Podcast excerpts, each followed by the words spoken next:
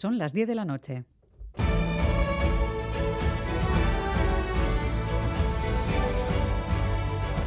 Radio Euskadi y Radio Vitoria.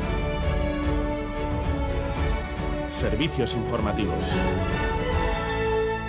Repasamos los titulares de la jornada con John Fernández Mur, Gabón. Gabón, Miriam, noticias de este martes 28 de febrero en el que hemos recibido la constatación de que los precios siguen subiendo. El IPC ha vuelto a subir en febrero. El repunte que empezó en enero ha continuado y sitúa la inflación en el 6,1%. Son dos décimas más que en enero según el dato provisional del INE. Los alimentos han seguido subiendo a pesar de la reducción del IVA de algunos productos básicos. Los costes se siguen notando en toda la cadena y la inflación subyacente, que incluye alimentos elaborados y resto de bienes y servicios, está ya en el 7,7%. Es su récord histórico. El gobierno español, al menos la parte del PSOE, insiste en que este repunte es pasajero y que la cesta de la compra bajará pronto, pero desde Podemos piden más medidas y la oposición tampoco se cree las promesas del Ejecutivo Sánchez. Hemos hablado con agricultores y ganaderos que no notan la subida de los precios en el dinero que ellos reciben. Sí, venden más barato o al mismo precio, en el mejor de los casos con una ligera subida, mientras los precios que pagamos en el supermercado se han disparado. Íñigo Pérez de Arenaza, productor de patata, y Doya Razola, conicultora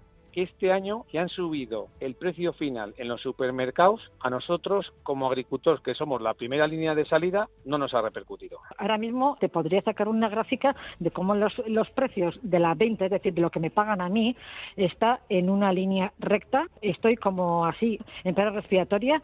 La consejera de Desarrollo Económico asegura que están trabajando para que nadie en la cadena alimentaria se lleve más de lo que le corresponda. Son declaraciones de Arancha Tapia aquí en Gambara no necesariamente eh, hay un, uno de los eslabones que está ganando más, pero tenemos que ser conscientes como consumidores y consumidoras que realmente lo que nos está pasando en nuestras facturas, lo que pasa en nuestras casas, también está pasando en cada uno de esos eslabones. Y lo que, al igual que los precios, también sigue su imparable escalada es el Euribor. Sí, el índice que sirve de referencia para muchas hipotecas no para de subir. El Euribor está ya en el 3,5%. Son dos décimas más que en enero y casi cuatro puntos más que hace un año, cuando aún estaba en negativo. Y la escalada parece no haber terminado. Más cuestiones. El periodista vasco Pablo González cumple hoy un año en prisión provisional en Polonia. EITB Media ha podido hablar con el abogado polaco que lleva su causa, Bartos Rogala. Ha asegurado que Pablo se encuentra bien física y mentalmente y nos ha contado una de las razones por las que se está prolongando su detención. Hay pruebas que se tienen que analizar en el extranjero y esa podría ser una de las razones por las que la detención se ha prolongado más de un año.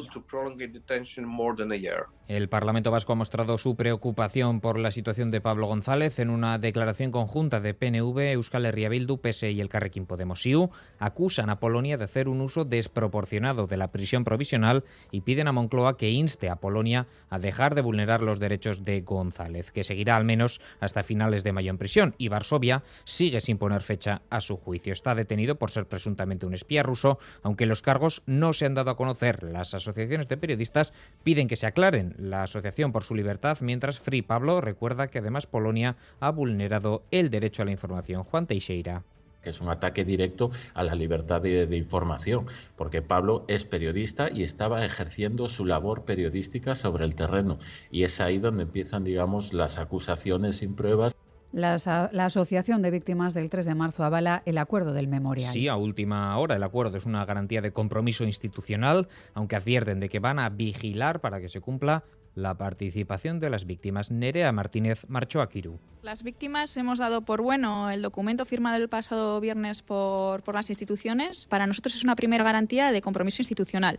Aún así, queremos recordar que los últimos meses han estado eso marcados por falta de seriedad y giros inesperados de guion de, la, de las instituciones, por lo que seguiremos muy atentas para que el Ayuntamiento de Vitoria-Gasteiz, la Diputación Foral de Álava y el Gobierno vasco cumplan en su integridad el acuerdo y que se garantice así nuestra participación efectiva en el proceso. Y mañana miércoles semifinal de Copa entre Osasuna y Athletic. En el estadio de El Sadar a partir de las 9 de la noche. El partido se podrá seguir como siempre en Radio Euskadi y también en ETV1, el primer canal de Euskal Televista, ofrecerá el choque de ida, el de vuelta y también la final de la Copa del Rey. Sigue cortada la 1 en Agurá en sentido Gasteiz debido a que esta tarde una grúa de grandes dimensiones se ha incendiado de forma fortuita. Los bomberos han extinguido el fuego, pero la grúa sigue obstaculizando la calzada, por lo que el tráfico se está desviando por la carretera paralela, la A300 en dirección Gasteiz, para posteriormente retornar a la A1. Así terminamos. Más noticias en una hora y en todo momento en itv.eus y en la aplicación ITV Albisteac. Gero arte.